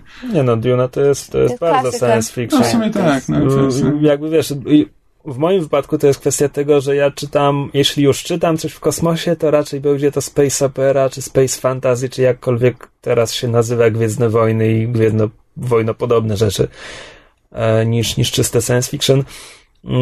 I jakby u mnie to też nie będzie lista, bo ten nie chcę układać, wiesz, że u to jest moje ulubione, a to Oj, jest tak. drugie ulubione, trzecie ulubione. Ja, ja też nie jestem w stanie tego tak ułożyć, więc... Tak, więc to będzie tylko kilka tytułów, które na pewno warto, na pewno warto znać. Myszu, chcesz zacząć? Chcę. No to proszę bardzo. Bo nawet coś mam, biorąc pod uwagę, że e, przejrzałam całą swoją e, biblioteczkę, którą posiadam w domu, co i tak nie jest, jest ułamkiem tego, co w życiu przeczytałam, ale to są moje ulubione pozycje. I w, w powiedzmy setce książek, którą tam mam, znalazłam dwie pozycje science fiction. Byłam w ciężkim szoku. Żeby było śmieszniej, obie są uznawane za bardzo, bardzo dobre. Może zacznę od tej, która jest e, zaliczana do em, absolutnego kanonu science fiction, mianowicie jest to tyciutka, e, cieniuteńka książka e, pod tytułem Kwiaty dla Alger, Algernona, Algernona, nie wiem jak to po polsku przeczytać. I którą kupiłam e, kiedyś w American Bookstore tylko i wyłącznie dlatego, że na okładce była mysz. I przeczytałam, że to jest, jakby mysz jest jednym z, znaczy z bohaterów, trudno to nazwać bohaterem, ale e, mysz jest jakby ist, ist, istotnym elementem książki. I jest to absolutnie fascynująca... Czyje to jest? Em, autor nazywa się bodajże David Keyes. Pisane KS przez Y. Więc zakładam, że czyta się Keyes. E, I książka opowiada o niedorozwiniętym umysłowo chłopcu, który pracuje w piekarni. E, I jest e, szalenie jakby towarzyski sympatyczny i lgnie do ludzi, którzy się z niego śmieją, bo jest niedorozwinięty umysłowo. Książka jest pisana z jego perspektywy, a ponieważ on jest niedorozwinięty umysłowo, pisana jest łopatologicznym angielskim. Ja czytałam książkę w oryginale z, z błędami e, interpunkcyjnymi, z bardzo prostą gramatyką, też czasami błędą z literówkami. I clue książki jest takie, że on zostaje, bierze udział w eksperymencie naukowym, em, przechodzi operację, która ma sprawić, że em, stanie się y, inteligentny, to znaczy, że, że wzrośnie jego poziom IQ. I ponieważ książka jest pisana z jego perspektywy, to y, obserwujemy to jakby z, z, z, z że tak powiem, z, siedzenia e, e, pasażera. I, I widać to nie tylko w tym, że, że zmienia się na przykład jego słownictwo, ale też właśnie jak pisze, o czym pisze, że zaczyna na przykład zwracać uwagę na to, że właśnie wszyscy ludzie, których do tej pory uważał za swoich przyjaciół, bo był zbyt autentycznie zbyt głupi na to, żeby zauważyć, że oni się z niego śmieją i są dla niego niemili. Teraz nagle zdaje sobie sprawę z tego, że jest sam na świecie, że nie ma żadnych przyjaciół, bo wszyscy go uważali za idiotę. E, I książka jest e, cieniuteńka, ale jest tak, tak niesamowicie pokazane to, jak jak inaczej człowiek żyje, zależnie od tego, jaki ma i, i, i jak jest inteligentny i nie tylko jak jest odbierany przez świat, ale jak on świat odbiera, jest absolutnie fascynująca. E, jakby dla mnie ona nie była science fiction o tyle, że jakby skupiała się o wiele bardziej na, na, na psychologii, na, na, na, na um, prawda, na, na aspektach społecznych, na jakiejś moralności, um, na człowieku, na, na, na tym, co to jest, co oznacza bycie człowiekiem. E, ale, ale jest to zaliczane właśnie do, do jakby do kanonu science fiction ze względu na aspekt y, czysto naukowy. I tego, że jest to fikcja literacka, no bo nie można poprzez operację sprawić, żeby człowiek był inteligentniejszy. E, nie brzmi to jakoś szalenie ciekawie, ale jest tak świetnie napisane. I jakby sam pomysł tego, że w samej warstwie językowej widzimy, jak inteligencja tego człowieka się zmienia, jest, dla mnie był absolutnie um, cudowny i, i szczerze go polecam, bo to nie bez powodu jest kanon, kanon y, nie tylko SF, ale w ogóle literatury światowej. A druga? Druga to jest, mam wrażenie, że o tym wspominałam w podcaście. To jest z kolei książka, która jest wymieniana na jednym z pierwszych miejsc najlepszego science fiction ostatnich 10 lat. Jest to książka Ready Player One Ernesta Kleina. Wspominałeś w podcaście. Mhm. Tak, wspominałam. E, więc w razie czego odsyłam do, do, do tego odcinka, gdzie było mówienie. Teraz pokrótce. E, jest to. Mm, science fiction z, ja to nazywam z lat 80., bo to jest książka, która została napisana, ponieważ autor ma ogromny sentyment do lat 80. I to jest książka o rzeczywistości wirtualnej, o grach komputerowych, ale właśnie takich z, z lat 80., o, o DD, o o geniuszach komputerowych, czy w ogóle o technologii komputerowej. To jest takie połączenie um, historii życia, powiedzmy, nie wiem, y, Steve'a Jobsa, y, filmu Gry Wojenne, wszystkich kultowych filmów i w ogóle całej popkultury lat 80. Ona jest po prostu wrzucona w tę książkę. Y, I dla mnie, jako dla osoby, która nie interesuje się jakoś historycznie grami komputerowymi, ale za to bardzo lubi lata 80., było to absolutnie fascynująca lektura. Ja do tego usiadłam i nie mogłam się od tej książki oderwać. Dawno się nie spotkałam z tak um, jakby... Absolutnie niezwykłą? Nie, z tak... Absolutnie ciekawą. Krzysiek, ty naprawdę dzisiaj chcesz dostać zęby. E, z tak dobrze napisaną książką w tym względzie, że ja czytając widziałam wokół siebie to, co się jakby w książce dzieje. To znaczy ona była bardzo filmowa i zresztą książka została um, zakupione, zostały za, zakupione prawa do ekranizacji i ja dawno nie byłam tak, e, że tak powiem, podekscytowana perspektywą zekranizowania jakiejś książki jak właśnie tej. Szczerze ją polecam wszystkim, nieważne czy, czy się interesują grami, czy, czy, czy lubią lata 80., czy interesują ich e, e, RPG, czy nieważne, nieważne jakiej są płci, jakie mają zainteresowanie, jest po prostu naprawdę naprawdę bardzo dobrze napisana książka e, i, i coś czuję, że w najbliższym czasie będę musiała do niej wrócić, bo po prostu ma tyle fajnych warstw i tyle aspektów, które można przy każdym, znaczy przy każdym kolejnym e, czytaniu się odkrywa na nowo, że e, naprawdę, naprawdę warto po nią sięgnąć. Pamiętasz autora? Ernest Klein. Powiedziałam nawet chyba. A, mój błąd. No dobrze, ty. Ty czy ja? Znaczy, ja mogę powiedzieć, że chyba dużo tego, dużo tego nie zbiorę. No tak, wspomniałem już o Dune, która jakby... Duna. Z tego, z tego, co, z tego, co przejrzałem, to jest moją ulubioną. W tym, w, ulubioną książką fant- tfu, science fiction. Wow. E, Dobry początek. tak, doskonały. No jakby No tak, bo to jest, bo to, no to jest taki klasyczny science fiction, przynajmniej jeśli chodzi o założenia, za, założenie gatunku. Jakby ja tego nie traktowałem jako klasyczny science fiction, no bo to nie jest jakby to, że to się dzieje w kosmosie, nie ma, nie ma większego znaczenia. E, znaczenie ma sama planeta. E, I jakby te wątki. Nie, no ale kwestie ale... jakby szczotki ziemskiej kultury. Tak, jakby te, są istotne. Te szczotki ziemskiej kultury, te relacje człowieka i maszyny, e, też jakby w postaci tym mentatów i, i ogólnie tej całej rewolucji, która miała miejsce i to, że ludzie już nie ufają maszynom. Dżihad butleriański? Butleriański? Tak. E, tak więc e, jakby właśnie fajnie, fajnie łączy taki, właśnie takie epickie science fiction, gdzie mamy historię bohatera, który zostaje, który zostaje mesjaszem jakiegoś tam ludu, czy takiego, wiesz, Konana w kosmosie trochę. E, z, mamy właśnie takie z, science fiction, czyli rozważania na temat właśnie z właśnie, ludzi, właśnie? ludzi i maszyn, e, ich relacji między sobą. I tam jest wszystko, wszystko, co powinno się znaleźć w porządnym science fiction, więc to, to jest taki klasyk gatunku, który każdy powinien poznać. No. I jak to klasyki gatunku mają niestety w zwyczaju, każda kolejna jest coraz no, gorsza. No, kolejnych próbowałem czytać kiedyś. Ja przeczytałem wszystko. Wszystko, co napisał e, Frank Herbert. To, co, mhm. to, co tam potem jego syn dopisywał z Kevinem J. Andersonem, tego nie tykałem nawet kijem, bo, bo już Herbert zajeździł Dune niewiarygodnie. Tam dalsze części rozgrywają się tysiące lat później. Bohaterami są klony klonów, klonów, klonów, klonów, klonów, klonów i tak tysiąc razy oryginalnych bohaterów.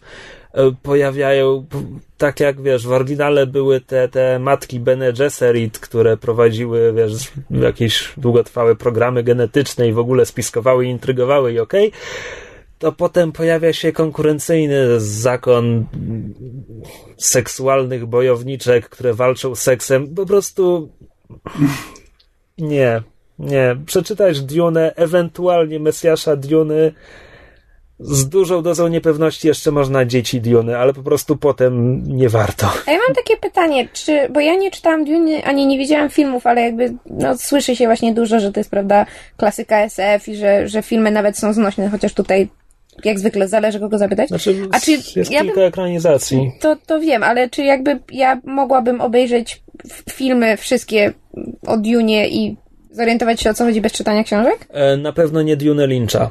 Duna Lyncha jest. Nie. Bez znajomości książki jest, nie zrozumiesz. Natomiast y, były miniseriale telewizyjne właśnie o, w oparciu o Dune, znaczy... Dzieci Dune na pewno tam są. Duna, Dzieci Dune, chyba dalej już więcej tego nie było. Nie widziałem tego w całości, ale pamiętam jakieś odcinki na wyrywki i to wyglądało dobrze, przynajmniej wyglądało zrozumiale. Aha, super. Natomiast Duna Lyncha, jakby jak już się zna książkę, no to Sting w stringach walczący nożem? Kto by nie chciał tego obejrzeć? Patrick Stewart grający na jakiejś kosmicznej harfie? Jasne, czemu nie? Rozumiem.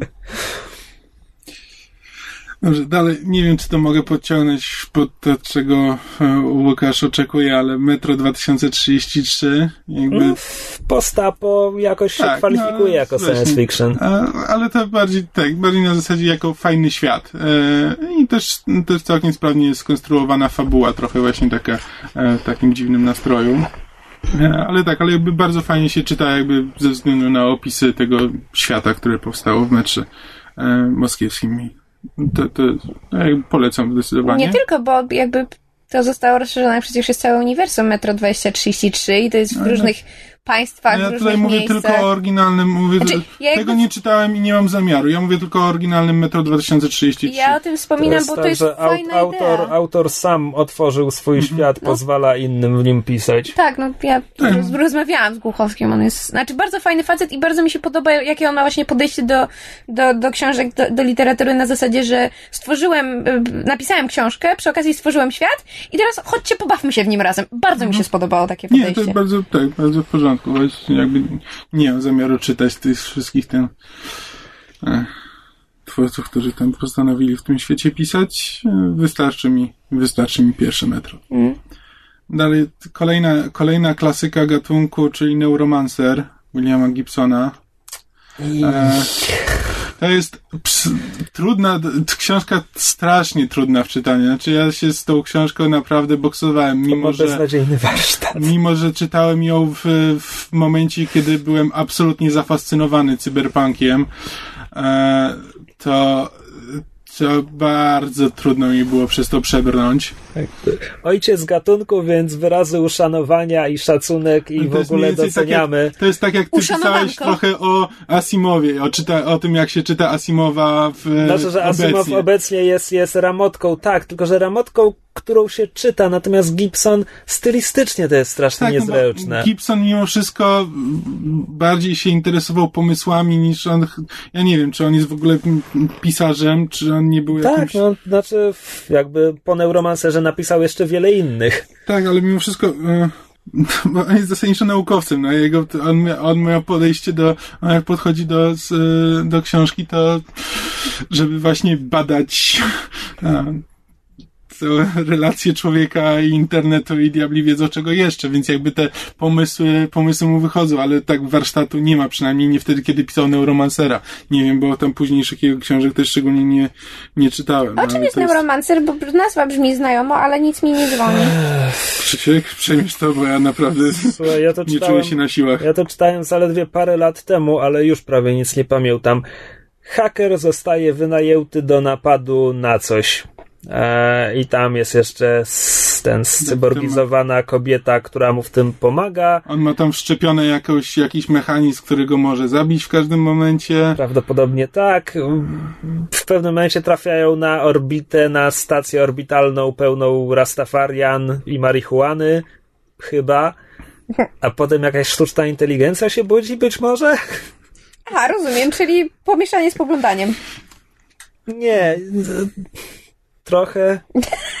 Mówię, Gibson, Tak, nie, czekaj, nie wiem, yy, może. bo on nie jest dobrym pisarzem. Przepraszam, czytałem tylko Neuromancera, może, może on się potem wyrobił, może lepsza jest do... Co? Może reszta jest lepsza, ale, ale Neuromancer jest źle napisany, brzydki stylistycznie, może tłumaczenie mu zaszkodziło. Nie Czyli wiem. ja to czytałem a- w oryginale. I to, nie, nie. Dobrze. E, tak, no i, no i. No jest tam mnóstwo pomysłów, z których potem korzystali inni. Aha. I zrobili z nimi ładniejsze, Tak, ciekawsze rzeczy. Ale tak, to jest tylko po to, żeby się jakby zapoznać z podstawami gatunku. A teraz, skoro już jesteśmy przy rzeczach, które wymyka, wymykają się słowom i których nie da się opisać, to... Philip Dick? E, tak, Philip K. Dick, którego też ja przeszedłem, e, miałem sporą fazę fascynacji jego twórczością e, ładnych parę lat temu i czytałem jego opowiadania.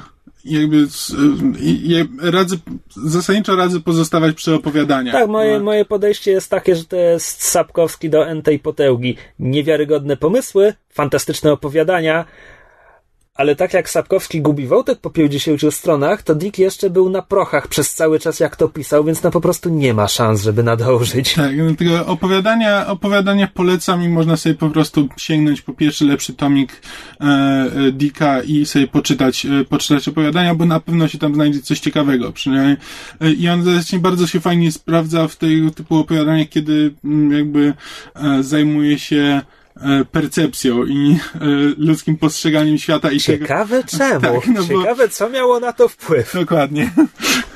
Dużej ilości kawy, na pewno. 100%. Tak, no on to wszystko leciał na LSD i właśnie i to mu dobrze wychodzi, że jakby to obiektywizm spojrzenia na świat i to, że jedna osoba patrzy na to inaczej, inna osoba inaczej i czy tak naprawdę to my patrzymy na świat, czy świat patrzy na nas i bla, bla, bla. Nie, tego się nie da opisać, ale wiesz, po prostu, ale te, tego typu rzeczy mu wychodzą bardzo fajnie, ale na przykład Ubik nawet, który też jest jakby taką, jest uznawany za właśnie z, e, przykład właśnie twórczości Dicka, przynajmniej tej dłuższej, który nie jest, nie jest jednym pojedynczym opowiadaniem, ale całą książką, to nadążenie za tym, co tam się dzieje, to jest naprawdę. Ja nie jestem w stanie wytłumaczyć fabuły tej książki, nie da się. E, Ja mogę powiedzieć tyle, że go przeczytałem kiedyś. tak, dokładnie. Ja też, więc, e, więc jakby radzę, radzę się trzymać z daleka od książek, przynajmniej na początku. Ale, y, ale opowiadania polecam z całego serca, bo jest tam dużo fajnych perełek i też, i mówię, to, to nawet nie to, że to konkretne opowiadanie jestem teraz w stanie polecić, po prostu warto sobie sięgnąć po jakiś tomik i przeczytać, bo na pewno się trafi tam coś dobrego. Natomiast muszę się przyznać do dużej luki, bo i to jest coś, co wciąż mam plan przeczytać, ale nie znam człowieka z Wysokiego Zamku. A to jest wymieniane jako. Wiesz... Nie, do tego też nie czytałem. A no właśnie. Chyba. Nie, ja Dicka czytałem ponad 5 lat temu.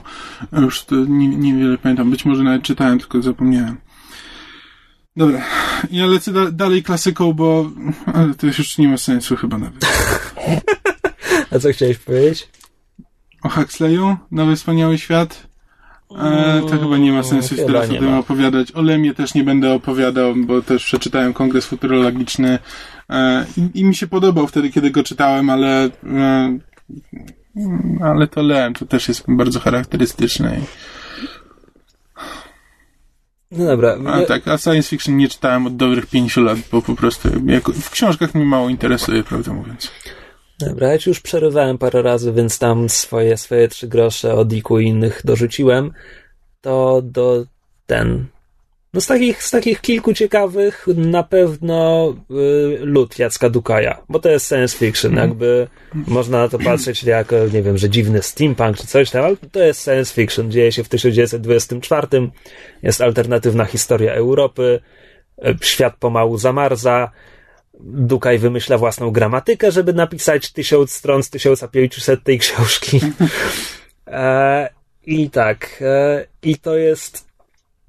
Już kiedyś mówiłem o tej książce, że to, że to jest książka, że nie mogę jej wymieniać jako jednej ze swoich ulubionych, bo to jest coś, co ja podziwiam, ale, ale walczyłem z nią trzy miesiące.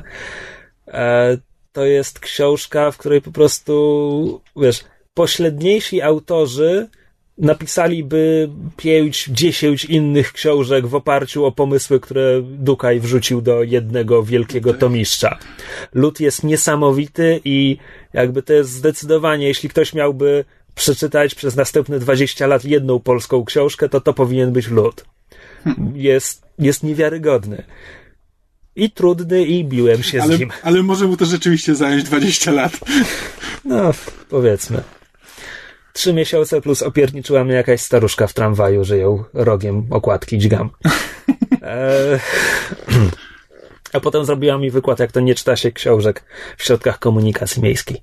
A dlaczego? Co? a co ona robi w środkach Bo, komunikacji? bo, bo się żga staruszki twardą okładką najwyraźniej. A nie zapytałeś się, czy gdyby była w miękkiej okładce, to czy zostawiłaby cię w Nie zapytałem, bo nie chciałem się kłócić z starszą kobietą.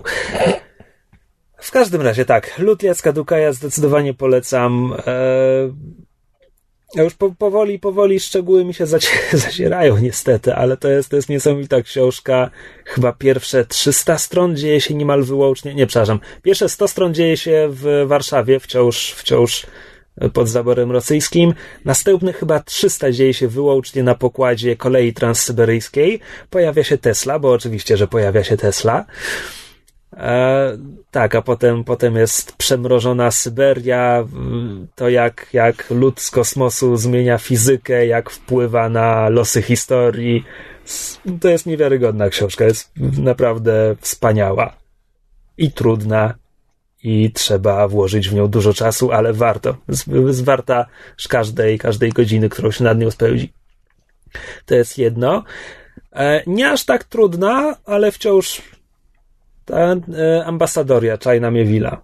Już kiedyś mówiłem, że to była pierwsza powieść Miewila, która mnie kupiła w całości z e, science fiction, które skupia się na, na komunikacji z, z obcą rasą e, i na tym, na tym jak, na, jak ona jest trudna, na czym polega ta trudność i tak dalej, plus eksploracja jakby to jest, to jest temat, a do tego na to nakładają się właśnie zmiany społeczne zachodzące na tej obcej planecie, wojna i tak dalej. Także takie bardziej przygodowe wątki, ale to wszystko się w ładną, w ładną fajną całość splata. I czekaj, miałem jeszcze jeden tytuł i już sobie nie przypomnę, co to było. Świetnie, dobra robota. czekaj, daj, dajcie mi trzy sekundy. Raz, Oj, dobra, dajcie mi 30 sekund. dwa, trzy, cztery, pięć, sześć, 27, 26, 27, 28, 29, 30. Nie przypomnę sobie. No ale to jak się, jak to, Zostawię to wszystko. ojej. Ale jak to się wszystko sumuje, to, to przynajmniej jakieś top ten nasze ogólne podcastowe całej trójcy wyjdzie. No dobrze. No to tyle w tym tygodniu. W przyszłym tygodniu Krzysia nie będzie. Tak, Krzysiek wraca do korzeni, jedzie na narty do Austrii. E, I... Będę, Tak, więc- będę o was ciepło myślał. Poczuł ze w przodków. Tak, więc my tutaj będziemy sobie z myszą sami gadać o pierdołach. No i zapraszamy do komunikowania się z nami wszelkimi możliwymi sposobami na Facebooku, na stronie, mailem. Wszystko jest, wszystko jest na myszmasz.pl do znalezienia. No to tyle. A, przypomniałem sobie, og- miałem ogłoszenie parafialne miesiąc temu. Wow. się- Dobra. No, dobra. E, opowiadania Anny Kańtoch o Dominiku Jordanie, czy Dominiku Jordan, czy jak kto woli. E, mówiłem, że bardzo warto, ale jest problem, żeby je dostać. E, są już w Dedalusie, w taniej książce. Można za, nie wiem, 6 czy 7 złotych e, złapać. Także warto poszukać. Aha. Dlatego mi przerwałeś zakończenie. Dobra, niech będzie. Dobrze, tak więc żegnamy się teraz z słuchaczami już naprawdę, chyba że mysz mi postanowi teraz przerwać z jakimś naprawdę ważnym ogłoszeniem o tym, że szynkę w Biedronce sprzedają za 2,50. I tym cynicznym akcentem żegnamy Was w tym tygodniu. Do usłyszenia w następnym. Słuchaliście podcastu Myszmasz. Możecie nas znaleźć na myszmasz.pl lub polubić nasz fanpage na Facebooku. Możecie nam także wysłać maila na myszmaszpodcast.gmail.com Jeśli do nas napiszecie, będziemy szczęśliwi jak morświn w saunie.